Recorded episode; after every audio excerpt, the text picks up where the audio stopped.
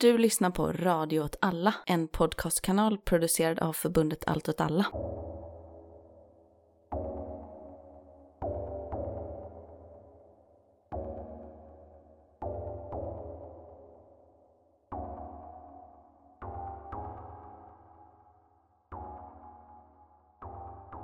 Hej och välkommen till Eld och rörelse med mig Martin Hansson.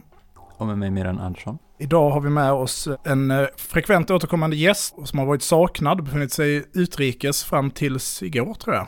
Ja. Volodja Wagner. Hej. Du är ju lite av vår eh, Östeuropa-expert, så vi har ju behövt dig nu ett par dagar. Ja, nej och det är precis, det är väl skönt att vara här också. Jag har ju som sagt varit utomlands lite eh, så av orelaterade skäl och uh, har hållit på att tappa det lite på, eh, alltså på avstånd genom att inte kunna på något sätt göra något kring det. Så det här samtalet kommer nog för just för mig vara lite terapeutiskt att bara kunna prata om allt det här med någon. Eh, så det känns väldigt skönt.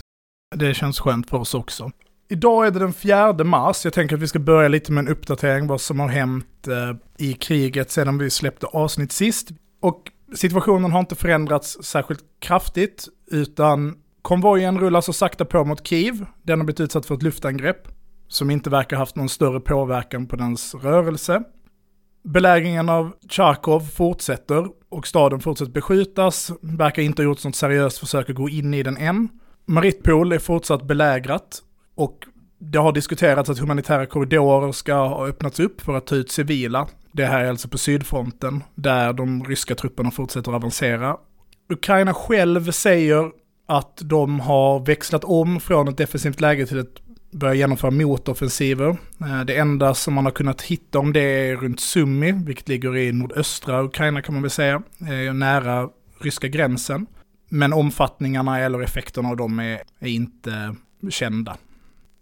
Eventuellt så har mängden flygattacker ökat och användandet av luftstridskrafter från Ryssland ökat de senaste 24 timmarna. Det har skett bombningar med Su-30. Men det är som sagt är det också så det har det skett lite då och då under krigets hela gång och ingenting tyder på att de har uppnått något totalt luftherravälde trots påstående från Ryssland. Ja, och man kan ju säga generellt att det verkar som att bombningarna som i början av kampanjen inte var så urskillningslösa utan mer riktades mot militära mål nu tyvärr verkar bli, precis som vi har pratat om, som vi trodde skulle ske, mer allmänna och träffa bostadsområden och så. Och vi har sett att eh, dödsoffren, de civila dödsoffren verkar ju öka. På de första fyra dagarna så var det ju under 200 civila dödsoffer, men nu rapporterar man upp mot 2000 tror jag. Så då på bara fyra dagar till liksom så har det ju gått upp tio gånger så mycket. Så då, då får man ju tolka det som, som ett utfall av en förändrad krigsföring från Ryssland också. Om det får sammanfatta lite läget just nu så tror jag att den stora frågan till dig Volodja, som våra lyssnare har och som vi själva har funderat mycket på och haft väldigt svårt att spekulera i, är eh, hur ser opinionen ut inne i Ryssland och vad är det som händer rent politiskt inne i Ryssland? Skulle du vilja spekulera lite om det? Jo, precis. Det är ju väldigt intressant att försöka förstå hur allt det här påverkar Ryssland och jag tror, eh, utan att vilja ta ifrån hur eh, katastrofalt det här kriget såklart är för Ukraina och befolkningen där, vilket ju är såklart det absolut största delen av den här katastrofen så att säga, det här kriget, så har det ju extremt stora påverkningar på eh, det ryska samhället.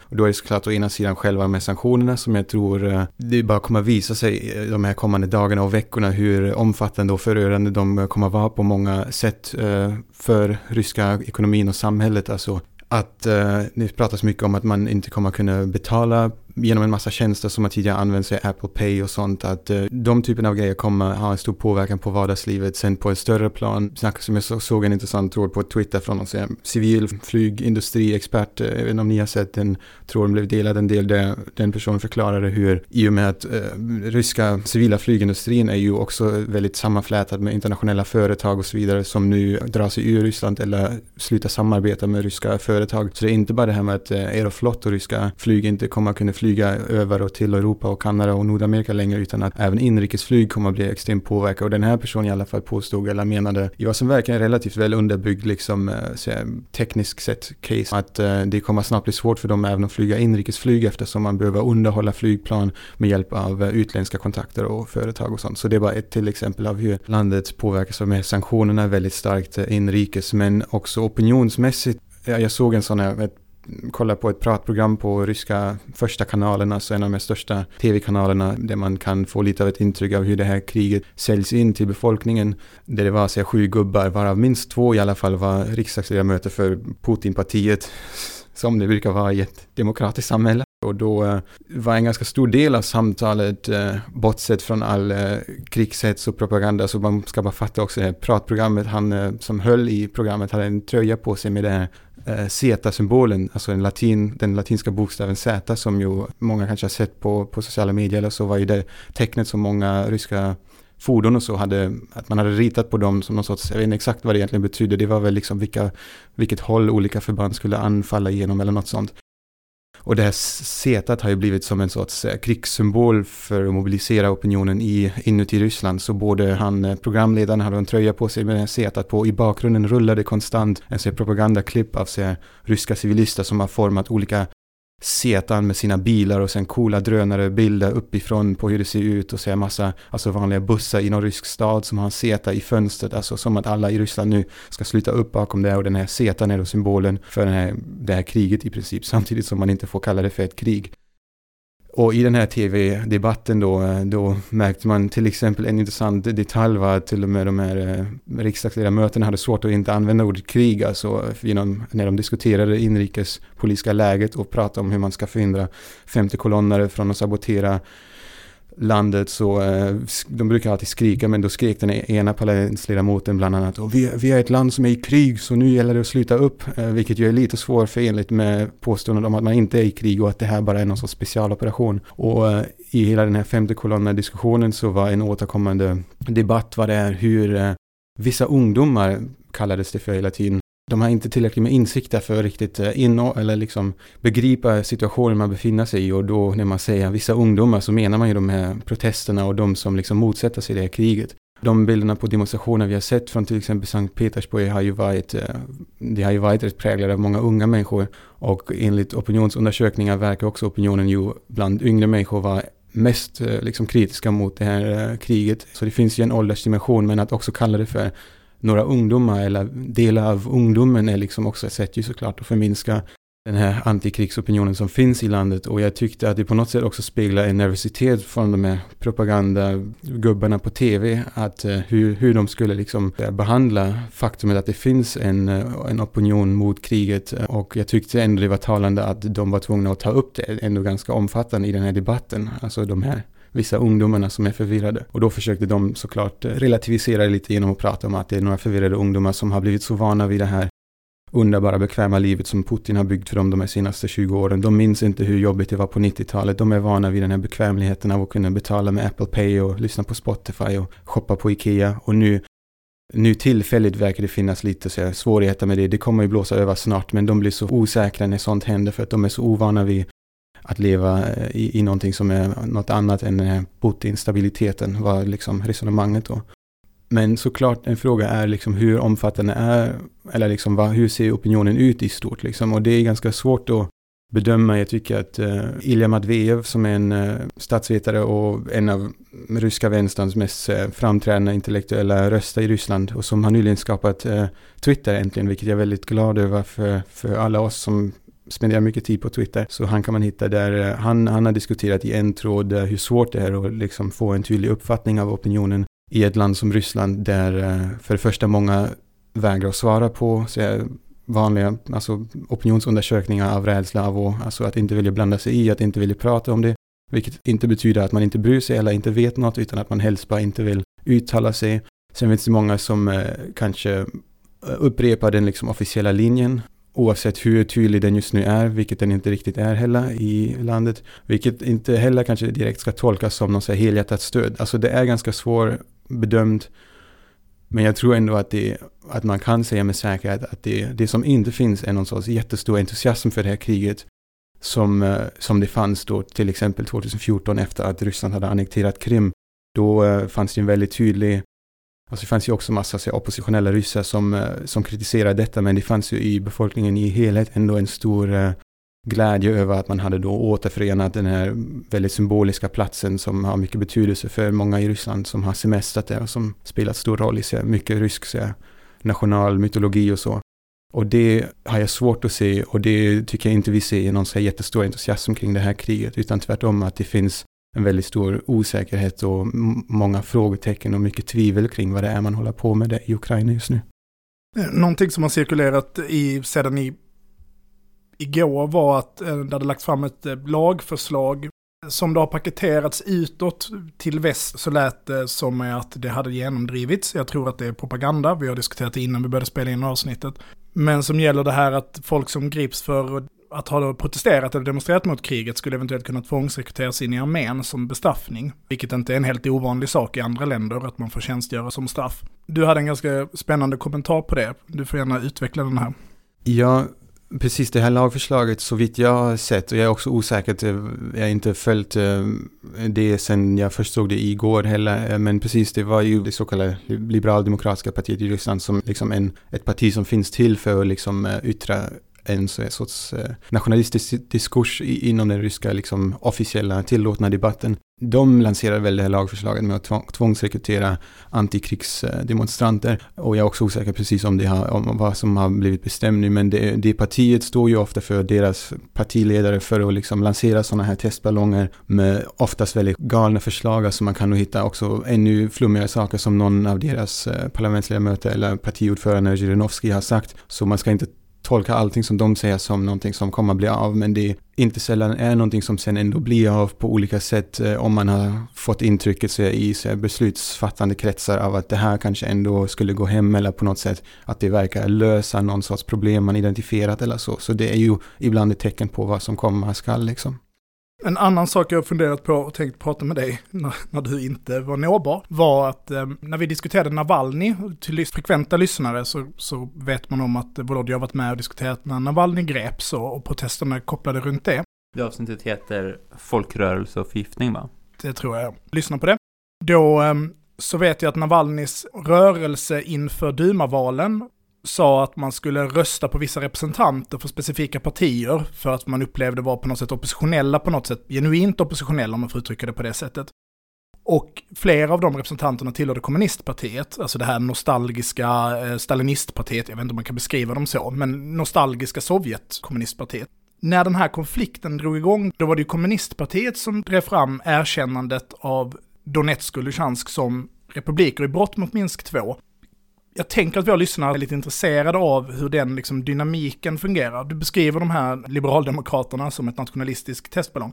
Vilken roll har liksom det kommunistpartiet i Ryssland spelat eh, inför den här konflikten? Nej, det är en intressant fråga. Jag vill erkänna att jag inte följt exakt eh, allt som kommunistpartiet har yttrat sig kring, eh, eller i samband med kriget nu heller. Men precis, det var ju deras förslag i duman som blev genomröstat inför erkännandet av de här folkrepublikerna. Och att de lanserar förslaget, eller att de liksom la fram det här förslaget, i och för sig matchar ganska bra med deras politiska projekt, där det handlar mycket om, som du säger, den här Sovjetnostalgin och det är ju på många sätt så man har liksom framställt DNR och LNR, folkrepublikerna, att eh, man försvarar det här området som på många sätt har en väldigt så här, sovjetisk liksom, identitet och det finns ju, det är en jättestor diskussion men eh, Ibland finns det en förenklad eh, beskrivning av den här konflikten i Ukraina som om det handlade om etnicitet eller om språk, att det är rysktalande som blir förtryckta av ukrainsktalande eller ukrainska nationalister. Men så många ukrainare påpekar är ju de här östukrainska områdena i Donbass, de är ju om något egentligen mer av ett, uh, de är framförallt sovjetiskt präglade, att det finns en viss sovjetisk liksom, identitet uh, som inte har mycket med så, kommunism eller så, marxism-leninism att göra, utan mer med någon sorts modernism, liksom den här sovjetiska modernismen av att man hade fungerande storföretag eh, eller så här, så stålverk och gruvor och så, att man hade en trygg tillvaro i, de, i dem och så här. Hela den grejen liksom, uh, som inte riktigt som eh, inte passar in i den här moderna ukrainska, liksom, eh, i det här ukrainska nation, nationsbyggandet och som man på något sätt har mobiliserat i det här eh, ryska projektet av, ja men i den här ryska neoimperialistiska liksom expansionspolitiken som vi sett i Ukraina de senaste åren. Allt det här kanske är lite sidospår, jag vet inte hur centralt det är, men, men precis det jag ville bara komma till var att det på så sätt inte är förvånande att kommunistpartiet skulle lansera det här förslaget i duman. Det som var mer förvånande var ju att man sen röstade igenom deras förslag och inte det förslaget från eh, Putinpartiet, enade Ryssland, som var lite mer försiktig. Så det i sig själv var inrikespolitiskt lite intressant, inte minst eftersom kommunistpartiet hade varit utsatta för en, ett nedslag efter parlamentsvalet. Just för att, som du beskriver, i, genom, eller tack vare det här Navalny-projektet av att rösta, den här um, smart voting brukade översättas till det här intelligenta röstande. De hade lagt fram förslag på vilka kandidater man skulle rösta på i olika valkretsar från de här tillåtna oppositions partierna som då till exempel kommunistpartiet eh, och eh, i den här listan som Navalny-rörelsen la fram var det då som du säger många kommunister som har till olika utsträckningar varit mer eller mindre liksom oberoende eller mer kritiska mot makten och då röstades in några av dem. Det var inte så där att det, um, Navalny-projektet var så där Framgångsrikt. Ja, precis. Inte som att det var superframgångsrikt och att det kom in jättemånga sådana där uh, kandidater, men några stycken ändå och uh, vissa kom inte in och protesterade emot det så, på något sätt i en så tillfällig allians med den här Navalny-rörelsen och folk som är allierade med den. Och uh, det som kanske lite grann svarar på den här, din fråga om hur de förhåller sig är att det intressanta är att åtminstone åtminstone två tror jag av eh, de kommunistiska Duma-ledamöterna, parlamentarikerna som hade röstat för det här förslaget, de kom ut sen och sa att de eh, var kritiska och var emot det här kriget nu och att de hade röstat för eh, den här självständigheten för att de ju bara ville skydda de områdena från ukrainsk beskjutning. Man tänkte om vi erkänner dem då kan Ryssland gå in och skydda civilbefolkningen där. Väldigt mycket inom den här ryska på något sätt officiella diskursen av att de är utsatta och offer för en ukrainsk liksom, militär som bombar civila i de områdena. Och då röstade vi för dem, säger de då, för att skydda dem från detta och vi har inte röstat för att Ryssland nu ska beskjuta Kiev och andra ukrainska städer. Så eh, vi har sett liksom små tecken från dem på, på motstånd mot det här kriget, men än, än så länge är det bara ganska isolerade röster, men då i alla fall från de här kommunisterna. Men eh, om man tänker lite bredare så eh, tycker jag det är lite intressant att det, det finns ju en liksom politisk miljö i periferin av eller har en viss närhet till kommunistpartiet av sig, lite mer oberoende vänsterkrafter där det här kriget också eh, skapar en del förvirring och en del motstånd från kretsar som tidigare har varit kanske ja, men haft en på något sätt eh, någorlunda vänsterkritik av regimen av eh, status quo i Ryssland. Men eh, vad gäller utrikespolitiken ändå har ganska mycket passat in i eh, den här Putin-diskursen eh, av att eh, försvara ryssarna i, i, andra länder och att försvara det här, den här ryska världen som Putin gärna pratar om, men som det här kriget nu ändå tär på eller liksom är en utmaning för i de kretsarna. Så som ett, eh, ett exempel som är kanske relevant i Sverige är att Alexej Sachnin som var en av grundarna till organisationen som heter Vänsterfronten som spelar en viss roll 2011-12 när det var de här stora oppositionella demonstrationerna mot, mot eh, omval av Putin där för eh, tio år sedan. Han, Alexej Sachnin, han flydde till Sverige och bodde här i några år och var liksom en röst som man såg ibland i svenska debatten. Eh, han återvände till Ryssland för, jag vet inte, två, tre år sedan om jag minns rätt, eller något år sedan. Och är tillbaka där nu och han kom ut och eh, sa häromdagen bara att han lämnar vänsterfronten för att han eh, var emot faktum att de inte tillräckligt mycket tog avstånd eller att de liksom eh, stöttade det här kriget. Och han skulle nog säga ha kritiserats av många i den eh, ryska vänstern tidigare för att ha varit för sig, regimvänligt i vad gäller sig, Krim-annekteringen eller kriget i Donbass. Så att eh, ja, jag vet inte eh, till, till vilken utsträckning man vill ta honom som, som liksom exempel, men där har man någon som tidigare har varit, beroende på vem man frågar, mer eller mindre Kremlvänlig i viss utrikespolitiska avseenden som nu väldigt tydligt tar avstånd från det här kriget och är emot det och säger att man måste vara solidarisk med Ukraina. Det är ju jättespännande. Nu tänker jag att vi har pratat väldigt mycket om Ryssland och det kan du massa saker om. Men jag tänker att våra lyssnare också vill höra lite det reflekterar över Ukraina. Den huvudsakliga liksom, argumentationen för att relativisera eller vara apoljet gentemot den här fortsatta offensiven av den pågående invasionen av Ukraina, eller hur man ska beskriva situationen, det har ju trots allt varit en invasion ganska länge av Ukraina, är ju hur den politiska, inrikespolitiska situationen i Ukraina ser ut. Och som brukar ta avstamp i eh, Majdan, där man kan liksom beskriva det antingen som ett folkligt uppror eller en statskupp och, och så vidare. Jag förstår att du är, eh, förstår vad jag syftar på. Och sen så då den här avnazifieringsprocessen då som Putin pratar om. Jag skulle säga att det fortfarande råder en ganska delad bild av hur starkt det nazistiska inflytandet eller liksom antisemitism och homofobi i Ukraina och hur det ser ut. Men också hur vänstern i Ukraina ser ut. Och liksom om det finns en en tredje väg mellan liksom Zelensky, hypernationalism, liksom döda-orcherna från öst, som ju är liksom ett perspektiv på konflikten eller som är Azov styr i princip Ukraina. Eh, och, och, förstår du vad jag menar i liksom den? Ja. Hur ser situationen ut i Ukraina? Hur skulle du beskriva den? På en politisk dimension men också liksom ur någon typ av vänsterperspektiv. ja, precis det är också lite från precis var man börjar. Det är eh, precis så alltså, på något sätt Ryssland-apologeterna går ju också inte minst nu gärna tillbaka till Majdan och hur, hur det var ett nazistiskt projekt och hur eh, nazistisk Ukraina varit de senaste åtta åren och att att det visserligen eh, är rimligt att avnazifiera Ukraina och så vidare. Och jag tycker det har ju varit lite absurt redan under Majdan-tiden och sedan dess och är om något ännu mer absurt nu. Alltså eh, inte för att säga att det inte var nazister som medverkade på Majdan, det var det ju visserligen. De eh, spelade en viktig roll, kanske inte avgörande, och de har varit en en viktig del av liksom den ukrainska politiken sedan dess som inte ska förminskas så som många liberaler kanske gärna vill göra eller att man ska sopa det under mattan eller så. Och jag tycker den rimliga positionen i det har varit sen Majdan och under Majdan och sen dess den svåra positionen som vissa vettiga människor ändå har försökt att försvara och säga att det här ska inte sopas under mattan. Man gör Ukraina ingen tjänst genom att förneka att det skulle finnas liksom nazistiska strukturer som, eh, som bör kritiseras och bekämpas.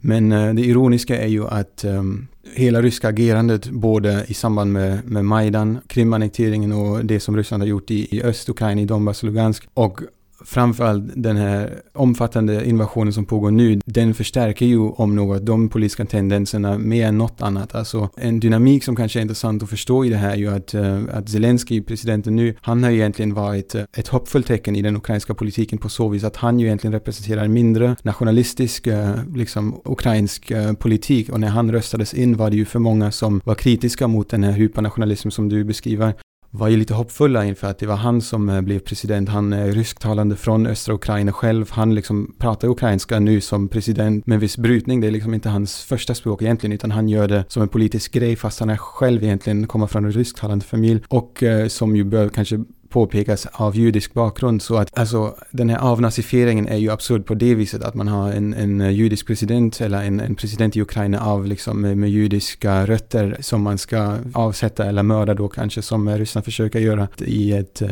avnazifieringssyfte, eh, uh, vilket är ganska absurd. Och um, vad gäller Azov-regementet till exempel, så, eller Azov-rörelsen som det kanske snarare bör betecknas för att det är en, en, bred, en ganska bred rörelse numera, den har ju fått all sin kraft eh, från faktumet att det har funnits ett krig mot eh, en rysk, liksom, eh, ja, rysk eh, ockupation av delar av landet och det har ju varit deras största, liksom, alltså en källa för dem att mobilisera support kring och stöd kring och få legitimitet genom. Och rent opinionsmässigt har ju inte ens det varit så himla framgångsrikt, alltså om man bara talar om, om val till skillnad från Ryssland har ju Ukraina haft två demokratiska val sedan eh, Majdan, så att eh, det här med att det skulle vara en nazistisk junta eller diktatur är ju helt eh, verklighetsfrånvänt. De har ju ändå haft val där olika politiska partier ställt upp som inte var, där utgången inte var avgjord från eh, början till skillnad från hur val tillgår, alltså eh, går till i Ryssland. Sen är eh, Ukraina visserligen ingen så här toppenexempel på en superfungerande demokrati. Man har ju förbjudit kommunistpartiet, bland annat man förbjuder olika former av kommunistisk sovjetnostalgisk symbolik. Och det är såklart inget som ska finnas i ett demokratiskt land. Sen uh, har det ju ändå funnits demokratiska val, så man har ju det har inte varit förbjudet att ställa upp med ett parti om de inte kallar sig för kommunister och inte använder massa Sovjetsymbolik hade man ju kunnat ställa upp i ett parti som förespråkar progressiva värderingar och så. Tyvärr är de den typen av socialistisk politik inte speciellt eh, stark i Ukraina just nu till skillnad från eh, innan den här konflikten med Ryssland drog igång. Eh, och det är ju två saker som det finns ett samband emellan. Alltså Putin om något med sin invasion och sin politik gör det ju liksom, han är den, den största, driver ju den största mobiliseringen för den typen av uh, ukrainsk och generellt östeuropeisk uh, nationalism mot uh, Ryssland och mot rysk stormaktspolitik i den här regionen och det kommer ju bara gynna de typerna av krafter i Ukraina men även i Polen, i, på Baltikum och så vidare för att de får ju bara vatten på sin kvarn nu och kan påpeka, eller kan peka på att, ja men ser ni, så agerar ju Ryssland. Alltså precis, det, jag, jag, vet inte hur, hur mycket tydligare man kan göra den här absurditeten i hela den här avnazifieringspolitiken från Ryssland. Det, en del av det är ju också att bara påpeka att det på Rysslands sida är ju lika många fascister och lika integrerade, om inte mer, i deras militära liksom, eh, projekt som det är i Ukraina. Så det, det är viktigt att påpeka att Azov-regementet som just nu håller på att försvara Mariupol och kanske kommer förintas det, eller jag vet inte hur det, kommer, det slaget kommer sluta. Men eh, på ryssarnas sida, det är inget nytt heller, men det kanske ändå måste påpekas återigen att liksom, eh, ja men typ eh, Wagner, eh, privatarmén som ju på något sätt är en förlängd arm av den ryska militära eh, apparaten liksom som fungerar med viss eh, deniability men ändå är väldigt tydligt kopplade till ryska staten och utför ryska statens intressen. De är ju liksom ledda av en kille med SS-tatueringar, hela grejen med att de heter Wagner är ju som en sorts hyllning till så, fascistisk krigsromantik och så vidare. De har ju medlemmar som, som är nazister från en del från Sankt Petersburg som nu från att ursprungligen ha varit nazistiska aktivister eh, har gått med och strider i Wagner och eh, kan tänkas vara aktiva också i det pågående kriget nu. Så att eh, om man följer massa ryska nationalistkonton på Telegram som är nationalistiska krafter som är aktiva i, i Östukraina. De eh, är ju superlyriska och säger är jättetaggade på det kriget och hoppas på en nationalistisk revival i Ryssland. Alltså om man, eh, lyssnar på något samtal med, med Strelkov, han um, som eh, är en av de här ledande figurerna i uh, upproret som uh, började 2014 i uh, Donbassområdet och som var på något sätt den som drog igång. Han är rysk medborgare, veteran från uh, Tjetjenien-kriget och bakgrund i rysk uh, militär underrättelsetjänst. Han är ju en av de här intressanta rösterna att lyssna på vad gäller det här kriget nu och i ett samtal som han då medverkade i kring det här kriget så hade han dels intressanta, ganska ärliga kommentarer kring hur väl det kriget går, nämligen inte så väl för Rysslands del och uttryckte hopp om eh, huruvida det kunde leda till någon nationalistisk renässans i Ryssland också. Så eh, de som själva ser bortom den här officiella retoriken fattar ju att det här liksom är ett eh, nationalistisk rysk projekt också och,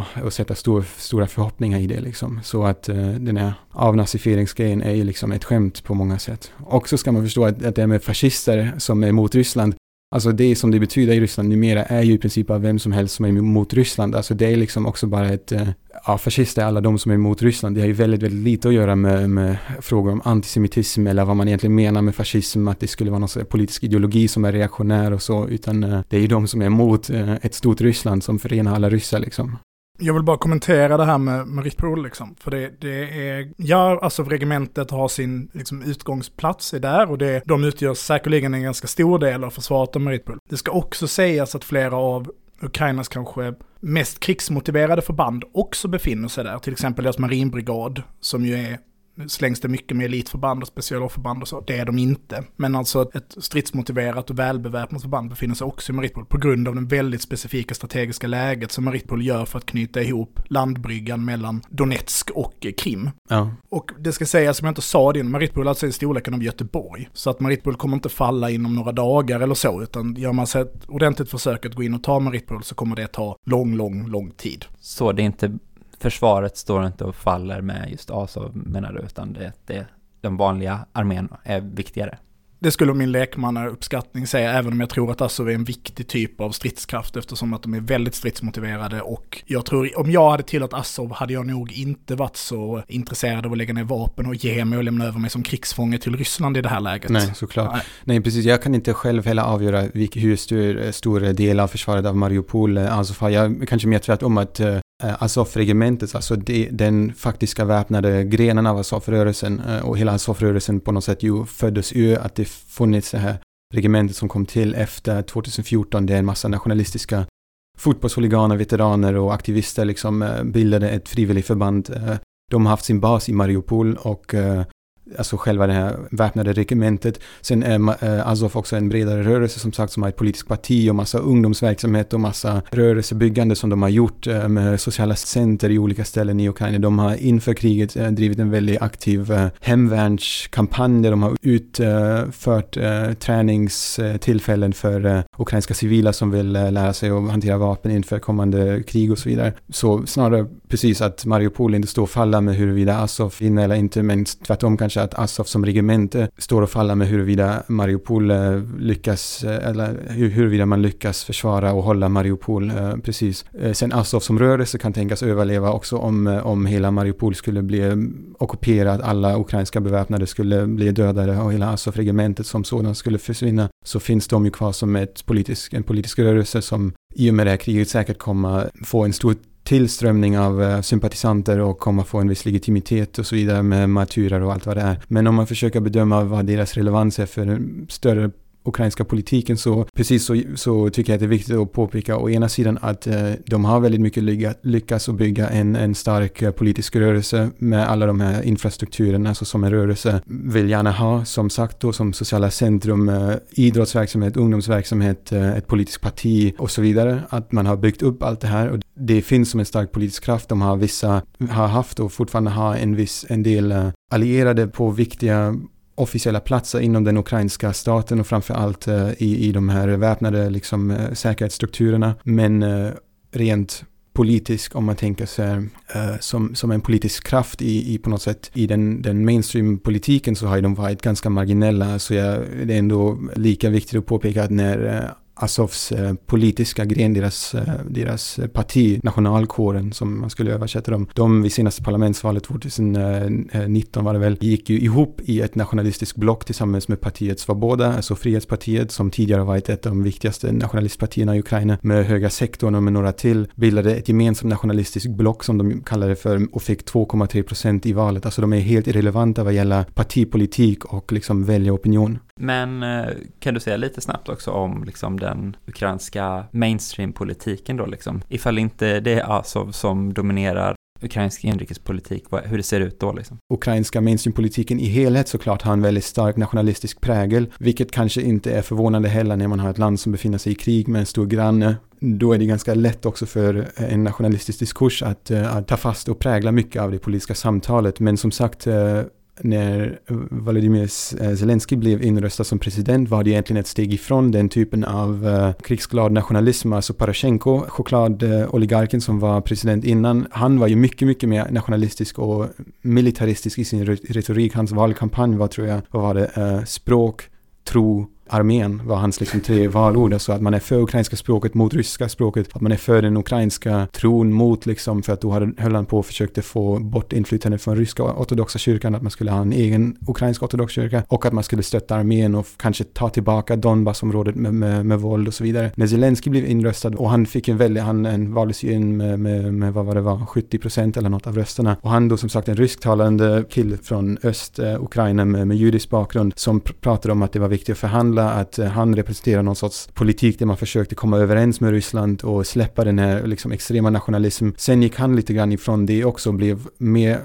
rörde sig själv lite mer åt det militaristiska och nationalistiska hållet på senare tid också. Men han var ändå liksom en lite mer sansat liksom eh, med ukrainsk mainstream-politik representerar han. Om man ska försöka förstå hur allt det här påverkar också hans politiska projekt eh, eller hans liksom roll eller legitimitet så hade han ju hunnit bli ganska impopulär själv också innan det här kriget bröt ut igen, det här senaste storskaliga kriget och eh, det snackas om att han inte ens skulle ställa upp för en andra omröstning, att han skulle inte ha en chans. Det här eh, lite mer proryska liksom oppositionslägret hade faktiskt eh, blivit ganska stark igen. Men de här senaste opinionsundersökningar som har gjorts sedan den här storskaliga invasionen började visade upp stödsiffror för honom på över 90 procent, så han är ju extremt populär nu och många ser ju honom som en väldigt enande bärande kraft eh, i det här liksom, försvaret av landet. Vilket jag tycker också igen bara visar att det här ryska agerandet inrikespolitiskt i Ukraina har ju varit en katastrofal liksom, missberäkning från Rysslands sida. Ryssland verkar ju trott att de antingen skulle mötas av liksom, en välvillig befolkning som välkomnar dem som befriare eller om inte det då åtminstone med, av en likgiltig befolkning som jag säger, ja men lika bra,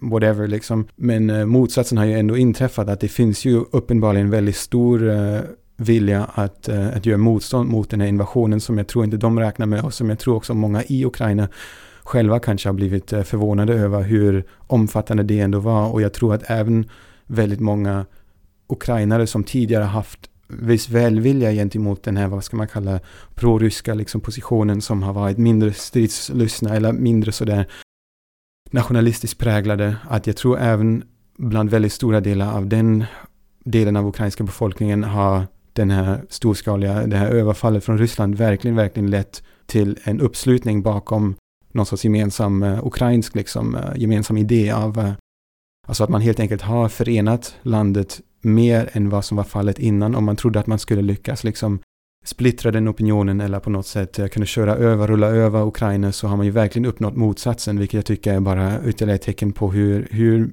mycket av en fuck-up det här verkligen är från Rysslands sida på många, många sätt.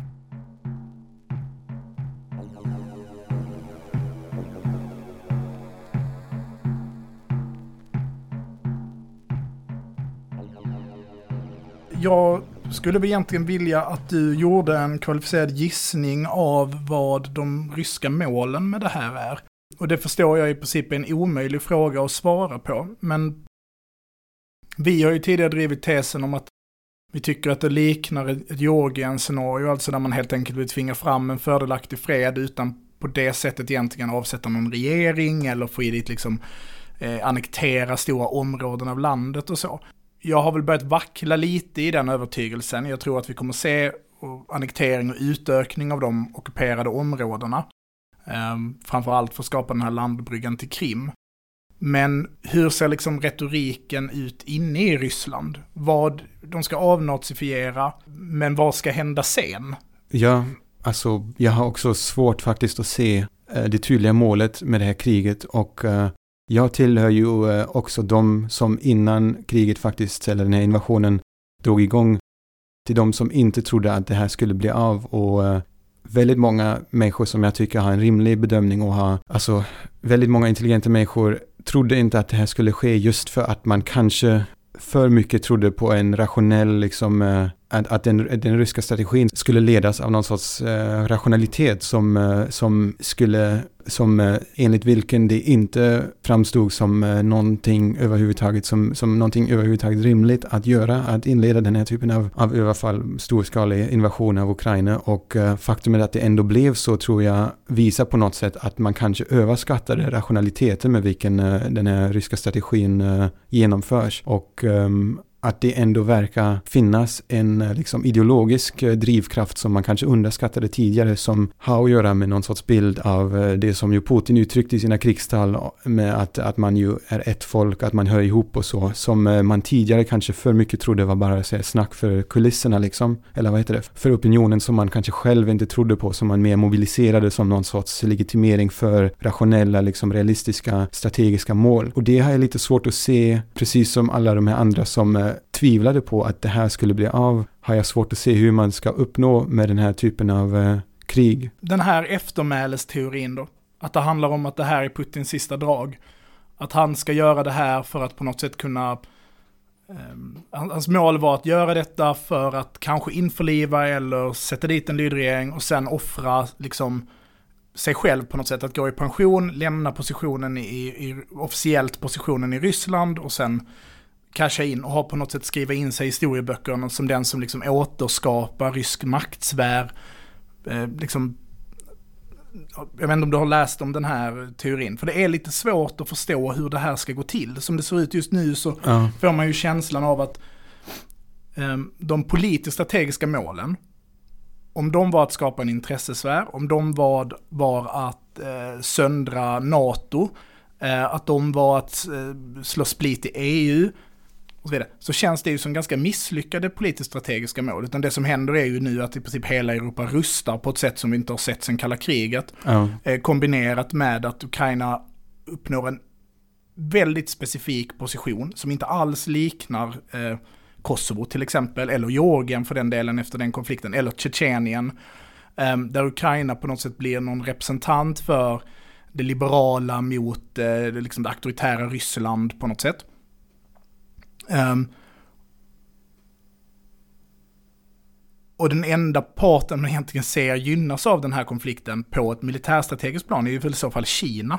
Men jag tror liksom inte på den nivån av tokig konspirationsteori att liksom Kina vill få Ryssland att knyta ner trupper, eller få USA att knyta, Ryssland ska få USA att knyta ner trupper i, i Europa till exempel eller så, utan det, ja. jag har svårt att se vad målet är om det inte bara var en gigantisk missbedömning av, av eh, västs reaktioner. Ja, nej men jag, precis, jag delar väl den, äh, alltså den osäkerheten att det känns ju som någonting gick väldigt mycket fel där hos, äh, i, hos Kremls liksom äh, bedömning av läget. Alltså en, en förklaring om man vill, vill ändå försöka se en viss rationalitet i det här är ju att det kanske hade att göra med en väldigt, alltså en att man utgick från väldigt bristfälliga uppgifter eller uppfattningar av hur Ukraina funkade. Så att det kanske, att man hade såg framför sig någon slags Afghanistan-scenario där man tänkte att vi bara kommer in och, puttar lite på den här marionettregeringen, den här eh, av väst till, alltså om man då verkligen har trott på sin egen propaganda hela den här tiden av att eh, alla i Ukraina egentligen älskar, eh, alltså den är, eller den stor delen, eh, merparten av befolkningen egentligen är emot den här uh, så kallade liksom nazistiska huntan som är bara stöttar väst. Och vi bara går in och puttar lite på den så kommer den falla så som Afghanistans regering gjorde och så kommer vi bara kunna rulla in där och så är det slut på det. Alltså om man då har trott på sin egen propaganda på det sättet och tyckt att det skulle räcka med att bara skicka in. Och det verkar ju på något sätt lite grann om man tittar på hur det här kriget har utvecklats. Verkar ju vara ett lite grann eh, den eh, initiala liksom eh, tillvägagångssättet att man skickar in de här ganska så här, lätta så här, chockförbanden som skulle bara flyga in, landa utanför Kiev och rulla in och bara så här, få bort den här marionettregeringen som man ansåg den och så är det slut på den saken då finns det ju en viss kanske rationalitet i det och som bara sen har visat sig ha byggt på helt felaktiga föreställningar om hur Ukraina skulle vara, eller liksom hur Ukraina funkade, hur opinionen där såg ut. Och precis, jag tänker bara om man pratar om sig mål så de två orden som jag tycker är på något sätt nyckelord i det här i Putins krigstal in, inför eh, anfallet var ju det här med, med dels avnazifiering som som sagt ska tolkas som att få bort en antirysk regering och sätta dit en ryskvänlig regering är ju vad det betyder i princip. Och eh, avmilitarisering, alltså att man ska bara krossa Ukrainas försvarsförmåga, liksom att man ska ha en, en sin egen marionettregering i Ukraina som militärt eh, liksom eh, eh oförmågen till att eh, ha en, ett eget försvar. Och eh, om det var målet, alltså att putta bort en marionettregering som man då kanske trodde skulle vara jättelätt och sen eh, krossa det antagligen väldigt svaga ukrainska alltså, motståndet eller militära förmågan, då verkar det som att man kanske bara missbedömde båda de två sakerna. Att det skulle vara en regering utan folkligt stöd och en, ett, ett försvar som inte var kapabel. Och uh, nu verkar det lite grann som att man bara kanske tänkte fel där och nu måste brottas med konsekvenserna av att man har gått in. Och vad gäller sig framtidsutsikter så har jag svårt att se en väg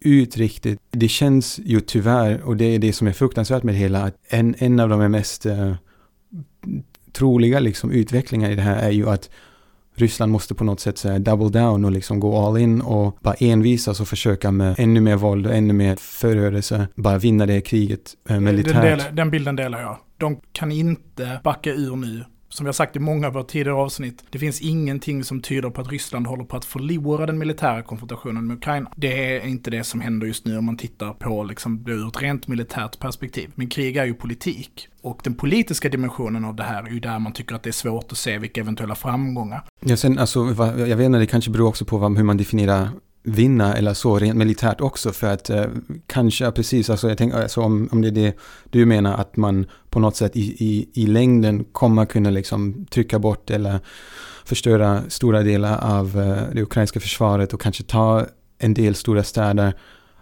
Det känns ju ändå väldigt svårt att se hur man skulle få till någon sorts eh, stabil, stabilitet. Alltså det kommer inte jag har väldigt svårt att se, det kan ju för sig ändra sig om det kommer, jag vet inte om den här ukrainska stridsviljan ändå bryts på något sätt genom eh, för stora förluster eller så.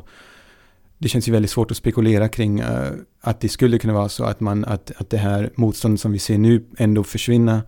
Men jag tror man har ju skapat ett sånt Eh, otroligt hat och förakt för Ryssland i Ukraina nu att det kommer även oavsett hur stor andel av befolkningen som kommer vara beredda att riskera sina liv och fortsätta strida så har man ju om inget annat skapat en extremt militant och, och motiverat minoritet om inget annat av människor som kommer göra allt för antagligen resten av sina liv för att få bort Ryssland från Ukraina. Alltså, jag har väldigt svårt att se hur det ska leda till någon sorts, eh, alltså om inte man betraktar liksom ett, ett totalt förstörd Ukraina som någon sorts rysk framgång. Alltså någon sorts Syrien-scenario i Ukraina vid Rysslands gräns. Om man inte ser det som någon sorts framgång, vilket jag har svårt att se hur det skulle vara en framgång för Ryssland också, då har jag svårt att se hur man ska uppnå de här målen. Ja, men jag bara tänker när vi säger att Ryssland vinner militärt så menar vi ju att den ryska armén slår den ukrainska armén och att man sätter sig i liksom ockupation av nya städer. Men det betyder ju inte sen att man har neutraliserat motstånd för all framtid, utan man kan ju verkligen se ett liksom jätteutdraget, långt krig med liksom grillakrig och motstånd och så som kan ju pågå i princip hur länge som helst. Liksom som sagt, vi har ju sett hur många andra konflikter har dragit ut och blivit riktigt långa konflikter konflikter som Syrien och så. Och då kan man inte säga att kanske Ryssland har vunnit då så länge det finns motstånd, men just att man liksom förstör den ukrainska armén till sin struktur, liksom, det är väl det vi menar när man säger att Ryssland vinner militärt. Den symmetriska konflikten vinns. Man uppnår de militärstrategiska målen, alltså frånskalat från det politiska, vilket ju är ett svårt sätt att resonera. Men låt säga att man tar Kiev till exempel, eller tvingar fram en kapitulation av Zelensky. Men det kommer inte innebära på något sätt att kriget är över, lika lite som att hängningen av Saddam Hussein innebar att Irakkriget var över. Det är väl mer det, vi, att en ny fas eller en ny typ av konflikt. Och jag finner ju det också ganska otroligt att vi skulle ha ett scenario där Ryssland var intresserad av att låsa in sig i en lång upprorsbekämpningskrig i Ukraina. Ukraina är väl en och en halv gång så stort som Irak. 45 miljoner invånare. Om det är något Putin vet att man inte ska göra så är det ju att hamna i det scenariot. Bara som någon sorts tillägg också tycker jag att en intressant och väldigt eh, både oroväckande men också väldigt spännande aspekt i det här för Ryssland och för ja, men, hela världspolitiken är ju att Putin till skillnad från tidigare så här, mindre populära projekt i Ryssland har ju väldigt, väldigt mycket placerat sig som den det är ju han som står för det här. Det är inte någon, någon minister eller någon, någon premiärminister, kabinettet som, alltså det är en klassisk, en teknik av hur man härskar i Ryssland som, eh, som, man kan prata om sen, alltså som en gammal rysk härskande tradition av att man har en tsar som, är, som på något sätt representerar hela landet och sen eh, när saker går mindre bra kan man alltid skylla på folk lite längre ner i hierarkin. Typ, ja, men ett, ett ganska nytt exempel är eh, pensionsreformen för några år sedan när eh, det är ju också såklart Putin som bestämmer de här sakerna, men man eh, valde att höja pensionsåldern som var mycket, mycket impopulär i Ryssland och stora protester mot det. Och eh, det var inte som att Putin från början sa nu ska vi alla höja, eller vi ska höja pensionsåldern, vi ska alla vara för det här, det är jättebra. Utan eh, det är ju regeringen, liksom premiärministern som säger det här måste vi göra. Sen är det stora protester och sen kommer Putin in efter några veckor och säger ja, ja det blir ju lite olyckligt, jag förstår folks frustration, jag, jag kommer in här som, eh, som chef och säger okej, okay, vi måste höja pensionsåldern lite, men vi tar tillbaka, vi höjer den bara med två år istället för fem år eller något och så framstår han som någon sorts rimlig medlare i det här, någon ansvarsfull eh, uh, tsar då som vill landets bästa. Men i det här fallet har ju han varit en alltså, symbolisk och och så har ju han suttit, hållit de här krigstalen ensam vid sitt lilla skrivbord och pratat till ryska nationen. Han har suttit vid sina, i de här möten med försvarsministern och sin, sin krigsstab vid det här långa bordet på tio meters avstånd från sina försvarsminister, från sin försvarsminister och så. Och han framstår ju väldigt mycket som, som han som har bestämt det här, det är hans krig. Så om det här kriget nu inte går som tänkt så det, har jag väldigt svårt att se hur det inte ska kopplas till just honom som eh, ledare. Och det är ju både en, på något sorgligt sätt, en hoppfull sak om man liksom vill se ett Ryssland utan Putin, att det kommer ju falla tillbaka på honom och försvaga hans position, men också en väldigt oroväckande tanke för att eh, i och med att Ryssland är ett land som styrs av en person och han är på något sätt en nyckelfigur, eller den nyckelfiguren man inte ser en tydlig efterföljare, om han blir liksom desperat och det börjar handla om hans politiska och kanske fysiska överlevnad, liksom att vinna det här kriget, då finns det ganska stor skäl till att bli orolig vad Ryssland är kapabel till att göra och vad Putin är kapabel till att beordra sina trupper att göra för att vinna det här kriget. Och där vill jag bara komma in med en brasklapp till alla våra lyssnare som är jätteoroliga och stressade över att det här ska bli ett tredje världskrig med kärnvapen. Så jag bara säger det här nu.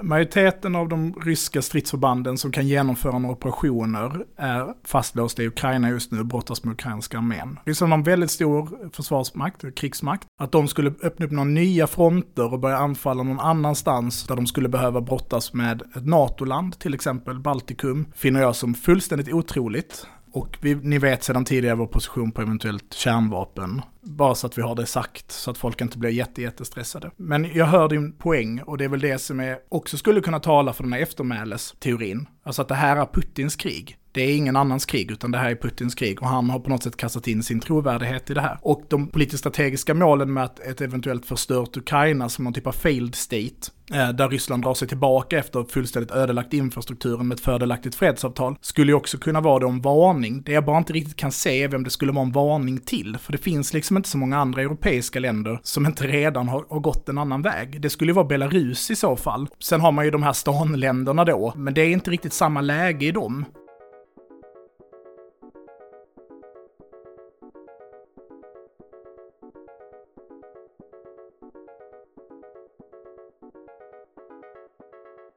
Vill du säga några avslutande ord eh, innan vi avrundar? Jag tänker att vi har anledning att vilja prata mer. Och vill, kanske folk vill höra lite om din plan nu? Ja, precis. Den håller jag på att försöka utforma och eh, jag har funderat över att försöka ta mig till regionen och försöka bevaka situationen därifrån. Vilket det ju finns eh, olika faktorer att ta hänsyn till, inte minst den rent eh, fysiska säkerheten i att göra det och vad det skulle kunna tillföra. En eh, fundering jag har är ju också att ta mig till Ryssland och försöka bevaka, eh, bevaka situationen där, vilket möjligtvis kommer att vara mer intressant. Jag pratade med en kompis nyss i, i Moskva som sa att han tyckte att det kanske var där man ska rikta sin uppmärksamhet till och det känner jag, det finns någonting i det för att, och det kanske bör, precis bör understrykas också i allt det här, det är ju hela det här kriget är ju så otroligt eh, historisk i sin betydelse just för att jag är ganska övertygad av att den här kommer förändra Ryssland i, i grunden på många vis. Och så vill jag väl gärna hoppa, hoppas på något sätt till det bättre men jag har också väldigt stor, eh, stora svårigheter att se det på kort sikt men att eh, jag har svårt att se hur Putin eller det här nuvarande systemet vi har sett under Putin ska överleva det här bortsett från en, en ytterligare förstärkt liksom, eh, satsning på ren diktatur och förtryck.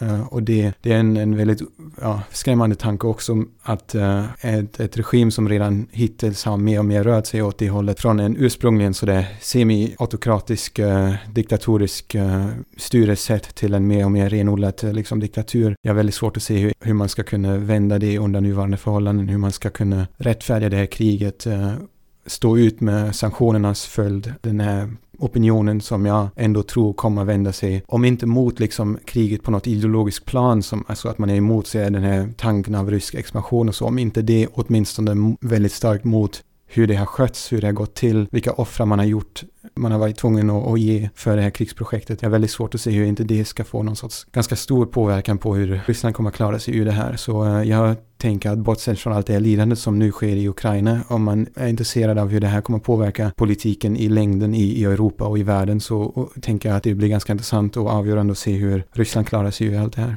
Och om man vill följa din bevakning av konflikten, finns det, någon, finns det något ställe man ska kolla på då?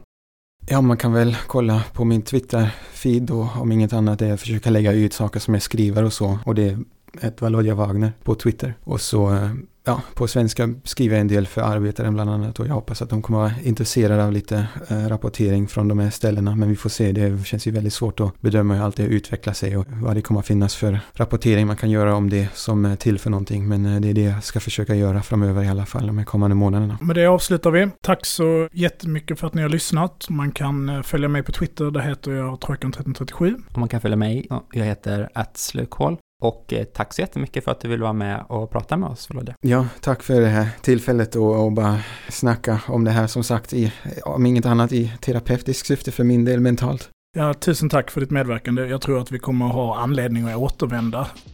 Tack så mycket. Hej då! Tack, hej! Hej!